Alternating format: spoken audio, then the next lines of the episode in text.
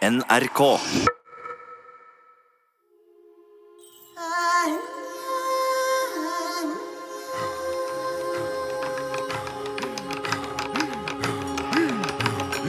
Jeg er Apalutok den røde.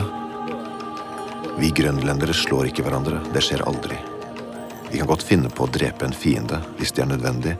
Gjennombore ham med en harpun eller en fuglepil, skjære halsen over på ham. Men bare når han snur seg vekk.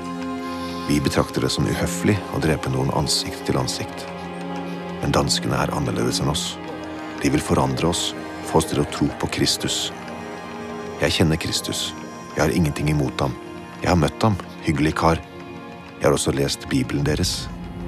Jeg leser dansk bedre enn de fleste danskene. I Bibelen kan man lese om seg selv. Det er det som er det gode ved den boken. Alle mennesker kan finne seg selv i den. Fortellingen om jobb er fortellingen om meg. Det ville jeg ha fortalt presten Egede, men ham kan man ikke snakke med. Kanskje denne nye.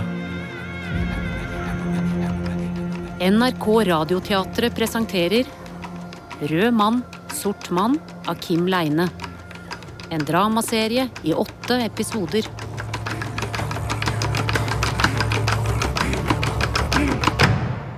Tredje del Mødre og fedre. Den historien som den gamle åndemaneren fortalte, om det at han satte barn på den syke jomfruen Titia, og at han til og med hadde samvittighet til å påstå at han helbredet henne fra hennes anfall ved å gjøre henne med barn. Jeg kunne ikke slutte å tenke på den. Jeg fikk den tanke at kirurgen på den tiden kanskje hadde notert ned noe om en slik hendelse. I hans rom i det gamle misjonshuset på Godttorp fant jeg hans journaler fra disse årene. Hans navn var Christian Kiding, 34 år, fra Jylland. Godt håp 1728. Det er sannelig et rart vær. Jeg vet ikke engang om man kan si at det regner. Vannet henger liksom stille i luften som vått vasketøy, uten at det egentlig er tåke. Ofte er det storm fra sørvest. Presten Egede ser ikke ut til å la seg påvirke av det dårlige været. Ikke blir han eller familien hans syk heller. Alltid røre på seg, være i bevegelse, arbeide, ikke sitte stille. Da kommer elendighetene med det samme. Han går alltid og tygger drøv på noe fra planteriket, og jeg følger hans eksempel. Det fins mange urter inne på halvøyen. De hjelper mot skjørbuk. Jeg drikker heller ikke annet enn rent vann og litt øl, og jeg er i god form. Hm, aldri hatt det bedre. Konen, Gjertrud, er mye eldre enn mannen. Trivielle og kjedelige folk, men uforgjengelige som gamle trehus. Egede kom fra Nord-Norge. Han hadde gjort seg umulig, har jeg hørt. Han hadde lest og hørt fortellinger om de gamle nordmennene som skulle bo her, men fant bare de små, mørke folkene som aldri hadde hørt om Jesus, enn si om Luther, som er husguden til Egede. Nå har han påtatt seg å frelse dem i stedet. De ville sikkert ha vært best tjent med å leve som de alltid har levet. Men Egede snakker fortsatt om de norske. De holder seg gjemt med djeveltilbedelse og papisme på østsiden av landet. Guvernør Pors har bekjentgjort at han vil reise dit, ri over isen på hesten sin. Jeg gjetter at det blir en kort tur. Ja, eller veldig lang, som livet etter dette. Dem om det. Jeg vet ikke hvorfor jeg liker så godt å være her. Jeg rusler rundt inne i landet, blåser i regnet, blåser i vinden. Jeg kommer opp i høyden, til et vann hvis hele utstrekning er usynlig for meg pga. tåken. Jeg har selvfølgelig med meg børse på vandringene mine, men jeg har ikke tenkt å skyte noe. Jeg er en naturens venn, ikke en omstreifende morder. Hele koloniprosjektet er fantastisk. Det er selvfølgelig grandiost i planen og stupid i utførelsen, men sivilisasjonen vil fram. De golde landene må erobres og kultiveres. Dumheten i detaljen oppheves av en skjønnhet i helheten. Har sin egen ubønnhørlige framdrift og bærer sin overlevelse i seg, like så vel som vi mennesker bærer vår død i oss. Og på den måten er historiens gang og individets skjebne en dobbeltbevegelse som går hver sin vei.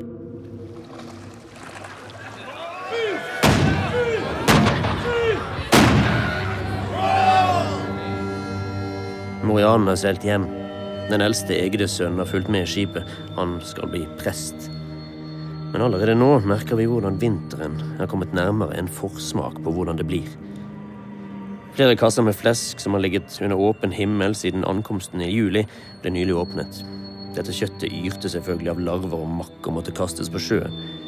Men noen innfødte fisket opp fra bunnen, kokte og spiste det. Ja, de var nysgjerrige på vårt kosthold, men skulle nok holdt seg til sine egne sunne matvaner. Nå har de blitt syke. Jeg har vist dem den vennlighet å se til dem. De er ganske svekket, alle som en. To av dem alvorlig, sprutende fra begge ender, utvilsomt døende.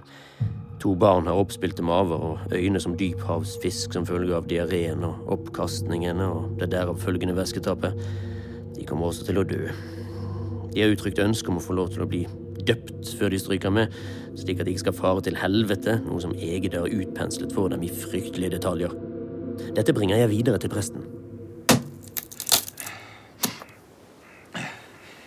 Nå har jeg gått og preket opp og ned at stolper for dem i flere år. De har vært vrange og forherdet. De er komplett uvitende om nådebudskapet, selv om jeg har forsøkt å meddele dem det. Jeg kan ikke forsvare å døpe den slags mennesker. Men, men spedbarn mottar nådegaven ved dåpen. Mer uvitende enn et nyfødt barn kan man neppe tenkes å bli. Et barn bæres til dåpen av en formynder som er døpt. Det være seg presten selv eller en pårørende. Jo, jo, jo, men like fullt Disse folkene er hedninger. Langt inn i sjelen. Hvem skal holde dem fast i den kristne tro helt til konfirmasjon? De dør antagelig før de er kommet så langt. La dem dø.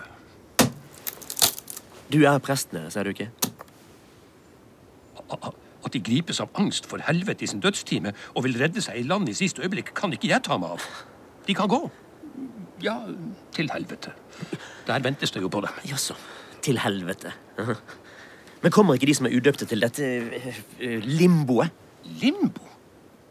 Limbo er jo en papistisk oppfinnelse. Det, det står ingenting om det i Bibelen. Nei, men, og heller ikke hos Lutt. Men det finnes vel en mellomtilstand for de udøpte som er rene i hjertet? En tilstand av, av lammelse. Ikke ildpøl, og heller ikke frelse? Jo, jo. Men det trenger du ikke fortelle dem. De har jo godt av å få seg en forskrekkelse. To av de syke overlever. Resten dør i stor angst og pine. Hvem om det? Johan Fürst er den første dansken som dør. En av de løslatte fangene. Han ligger til sengs med rallende hoste og blodig ekspektorasjon.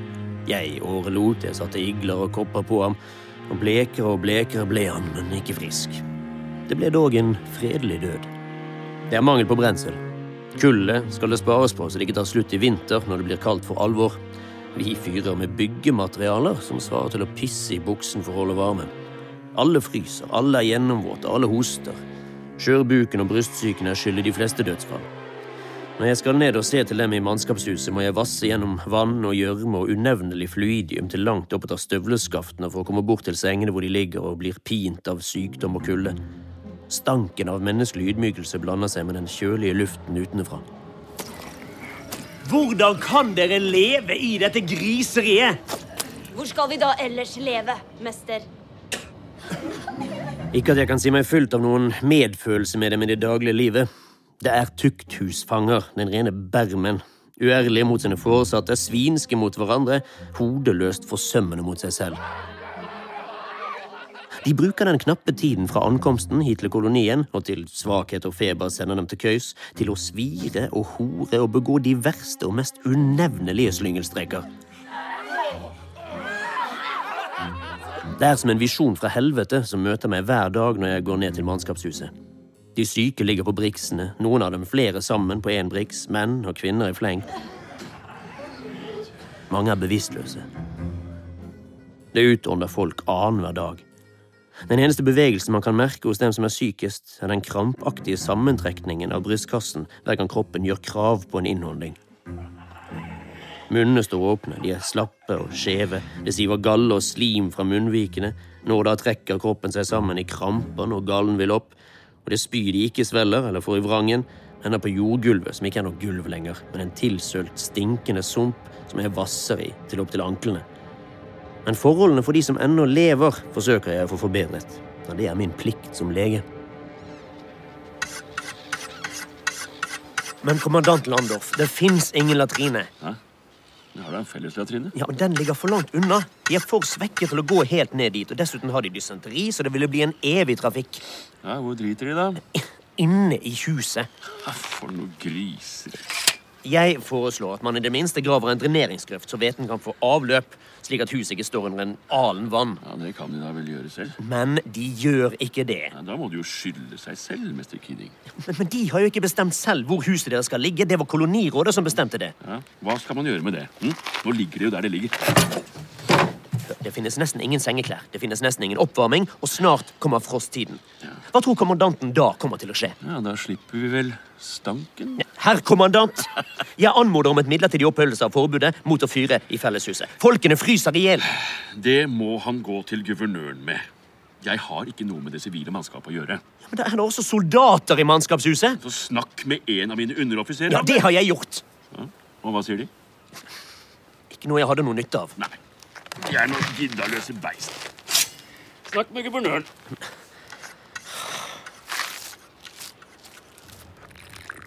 Vi må ha brensel, herr guvernør. Ja, Det må du snakke med proviantforvalteren om.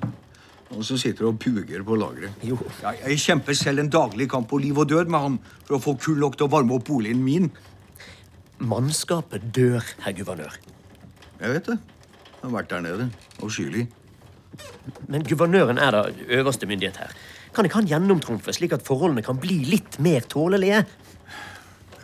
Jeg kan sette opp brennevinsrasjon. Vi trenger brensel, herr guvernør, ikke brennevin. Vi har jo bare det brenselet vi har, da. Vinteren kan bli lang og kald. Hvor vil du få tak i det ekstra brenselet? Vel, de innfødte har det da alltid varmt i husene sine. Ja, De fyrer med spekk. Ja, Ja, Det er forbud mot å fyre med spekk i kolonien. Innholdet spekket skal forarbeides til tran. Det er rent faktisk derfor vi er her. Å fyre med det ville være det samme som å stjele fra kongen. men mannskapet kreperer på rekke og rad. Ja, Jeg kan ikke gå imot instruksen. Men hvem er det som har skrevet instruksen? Det er vi. Vi. Vi. Jeg visste ikke annen råd enn å spørre madam Egede om hjelp. Men La oss gå bort til mannskapshuset og se til de syke. Det er ikke noe for anstendige folk.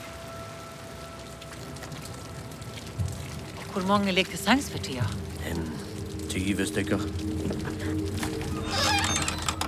Hun tar det første skrittet inn i rommet. Jeg fører madammen fra seng til seng og forteller om den enkelte pasient. Feber, skjørbuk, brystsyke, alminnelig svakhet, diaré og oppkast.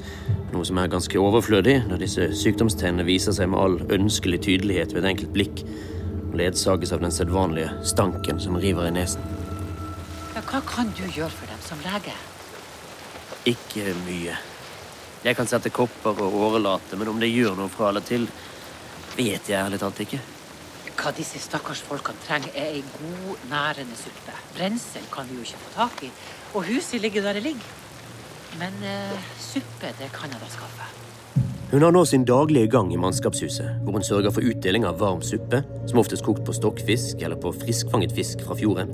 Hun har dessuten foranstaltet at de syke er blitt samlet i den ene enden av huset, lengst vekk fra døren og den kalde trekken, og hun har installert to klebersteinslamper og engasjert to innfødte kvinner til å sitte og passe på dem.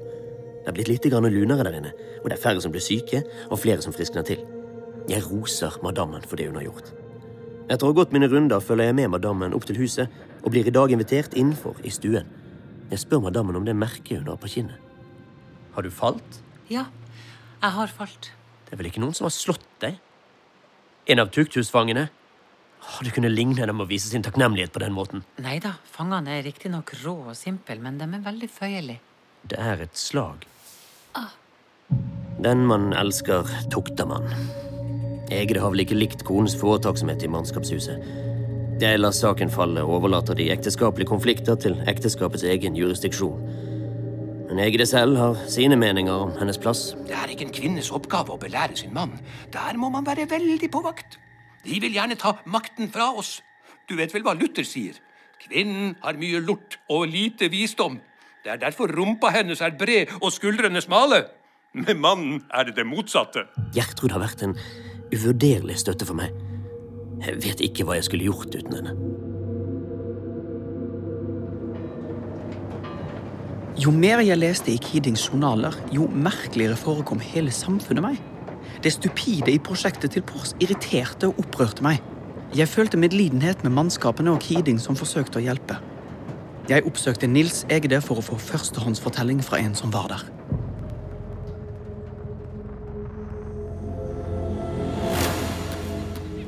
Guvernøren bebudet at han ville ri over isen til Oi. østsiden av landet. Til nordmennene som mentes å holde til der borte. Aha. Stø eller ei, vi kan ikke la de nordmennene vente lenger.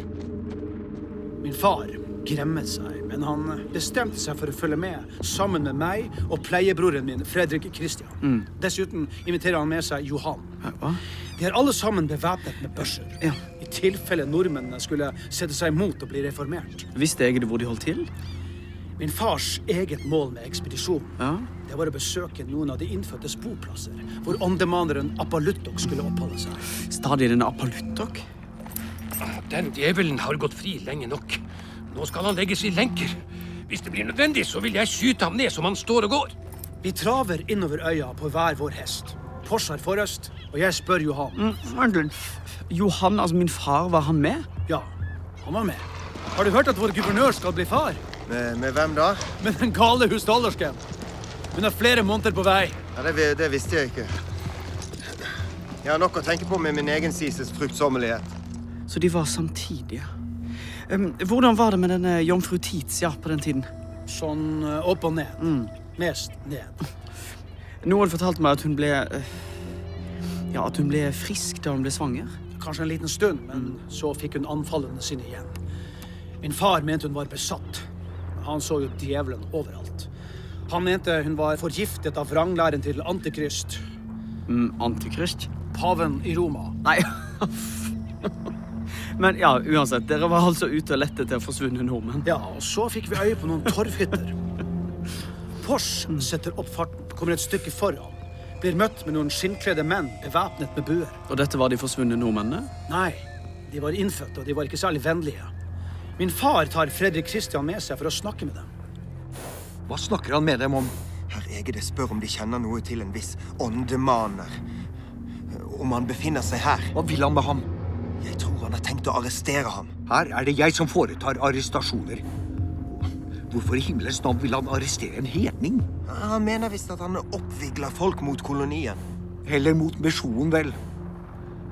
Bare la dem beholde troen sin, hvis det er det de vil. Min far fortsatte å spørre mennene ut. De ville ikke svare. Men så Hvor er trollmannen deres? Hva fanden, mann? Det er fire bevæpnede menn! Hva tror du at du driver med? Gjør arbeidet mitt. Jeg håper du ikke tvinger oss til å true dem med børsene. Jeg ønsker ingen blodsutgytelser. Ikke lyv for meg. Jeg vet jo at han er her. Guds fred, prest. Jaså, der er du. Jeg tenkte det var her du gjemte deg. Vi kommer for å hente deg til kolonien. Papa, Ja, som du ser har jeg tatt Fredrik Christian med meg. det skulle du ikke gjort. Vil du ikke se ham? Hæ? Snakke med ham, være sammen med ham. Hvis du følger med oss til kolonien, så kan du gjøre alt det. Han skal komme alene til meg, så får vi se hva han velger. Nei, det kan jeg ikke tillate. Jeg stoler ikke på deg. Er du redd, prest? Er ikke din gud en sterk gud? Er du redd for at jeg er sterkere? Det er en ussel gud, prest. Du er full av hat og bitterhet, men hatet gjør deg svak. Jeg tørker hatet av meg som regn. Gud er kjærlighet. Det er ikke for sent å motta hans kjærlighet. Hvis Gud er kjærlighet, hvorfor har han da stjålet sønnen min? Nettopp av kjærlighet har han tatt ham til seg. Ja, nå denne karen være i fred. Han har ikke gjort deg noe. Jeg vil ikke fare fram på denne måten blant landets innfødte. Kongen ønsker at vi skal vise mildhet mot landets barn. Ikke bland deg opp i dette. Du kjenner ikke disse folkene. Viser man dem mildhet, så får man en pil i ryggen. Hvis man tukter dem, så føyer de seg. I virkeligheten er de noen feige stakkarer. Ja, noen halvnakne, feige, bevæpnede stakkarer. Og sikkert flinke bueskyttere. Jesus Kristus! Ikke prøv deg på meg! Stå stille, din jævel! Så skal jeg slå deg fordarvet! Din satans håndlanger! De svarte helvete, ikke stikk tilbake på dem! Faen ta den presten og all verdens sotkjoler! Her rir jeg av gårde for å finne våre norske frender, og så starter han en krig mot noen elendige innfødte! Ja, piler på! Han sier det kommer snø. Apollutok står noen skritt vekk fra far, har blikket rettet ufravendt mot Fredrik Christian. Så snur han på hodet, vender ansiktet mot vinden og mot snøfnuggene som kommer fykende. Han mumler noe, og snøen faller tykkere og tykkere. Og straks etter er det innhyllet i en snøstorm. Mener du han manet frem snøstormen? Eller kanskje han ante at stormen ville hindre et blodbad? Ja, ja, ja, så? Hva skjedde så? Vi søker ly i villmannshuset, som er fullt av kvinner og barn og gamle folk. De tar godt imot oss og rydder plass til oss på briksene. Gir oss kokt kjøtt, ferskt spekk. Og det er veldig varmt. Vi tar av oss nesten alle klærne. Parykkene til Porsche og Egede henges under taket og blir tilsotet av lampeosen. Innfødte kvinner masserer bena deres. De smilende ansiktet glinser av fett. Barn krabber på dem. Det er en uavlatelig skramling, skravling, latter, eting, fjerting og pissing i nattpotten. Ja, men bevar meg vel så vennlig etter alt dette? Ja, de er meget gjestmilde folk. Og vi er i torvhytta i tre dager. De bevæpnede mennene de viser seg ikke. Og heller ikke åndemanderen deres. Jeg skulle ha skutt ham da jeg hadde muligheten til det. En av kvinnene klager over barnløshet, så hun ber egne hjelpe seg. Hva vil du jeg skal gjøre med din goldhet, kvinne? Gå til mannen din, ikke til meg. Kvinnen blotter seg for ham. Nei, men i all verden. Ja da. Lyset fra tranlampen blafrer over kjønnet hennes. Blås på den! Gud blåser jo på døde ting så de blir levende. Hvem har fortalt deg det? Apaluttok. Han vet om historiene deres. I så fall er han enda verre enn jeg trodde. Han er fordømt til helvetes evige pinsler. Blås på den da, prest. Se, her er den. Blås, da, så jeg kan få et barn. Nei, men dekk deg til, kvinne! Jeg kan da ikke blåse deg fruktsommelig. Og selv om jeg kunne det, så vil jeg ikke gjøre det. Be Herren om at han må frelse deg fra din vankunne, så kanskje han vil høre på deg. Og utenfor hylte stormen. Det er isende kaldt. Hestene står der ute. Vi skifter på å gå ut for å se til dem. Oi, stakkars dyr. Vi dekket dem til med skinnfeller, men det hjalp ikke. Alle fem hestene står rett opp og ned som saltstøtter, dekket av is og er stein døde når stormen er over. Men, men, men hvordan kom dere hjem? Vi måtte gå hjem. Med det av oppakningen vi klarte å ta med på ryggen. Den reisen som tok en halv dag på hesteryggen, tok tre dager til fots.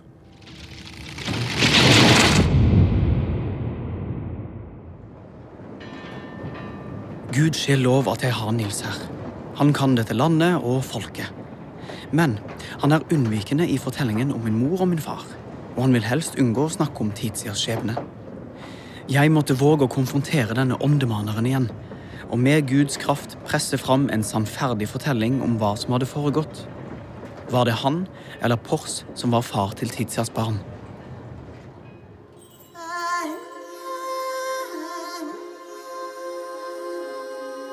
Jeg er Apalutok. Jeg går på visitt mens presten er av gårde. Først besøker jeg piken jeg lå med i sommer. Jeg sitter hos henne om natten, sitter i mørket og lytter til lyden av min sønns hjerte. Legger hånden på magen hennes og kjenner hvordan han vrir seg dovent der nede i livmorens mørke brønn. Vi er nesten i familie nå. Danskene vil at hun skal gifte seg med Fredrik Christian. Og da blir sønnen min, far til min sønn, og hans pleiefar igjen, presten, kommer jeg på en måte til å bli familie med også. For noe rot. På den måten kommer vi alle sammen til å bli flettet inn i hverandre til en uoppløselig blåknute. Jeg vet ikke om jeg ønsker det. Jeg er grepet av tvil. Hvis min sønn gifter seg med henne og gjør den andre sønnen min til mitt barnebarn, kommer det til å bety en kopulasjon mellom danskene og grønlenderne. Et giftermål og en incestuøs blodblanding mellom to folkeslag som er helt fremmede for hverandre. Og da kommer vi til å henge i hop for alltid. For da kommer vi til å være smidd sammen med lenker som er sterkere enn både kolonimakt og misjon. Og det er ikke til å vite om vi kommer til å bli hverandres velsignelse eller forbannelse. Sikkert begge deler. Jeg legger det i Herrens hender og hvisker Fiat voluntas tua. Mens mitt barns mor hvisker de samme ordene i søvne.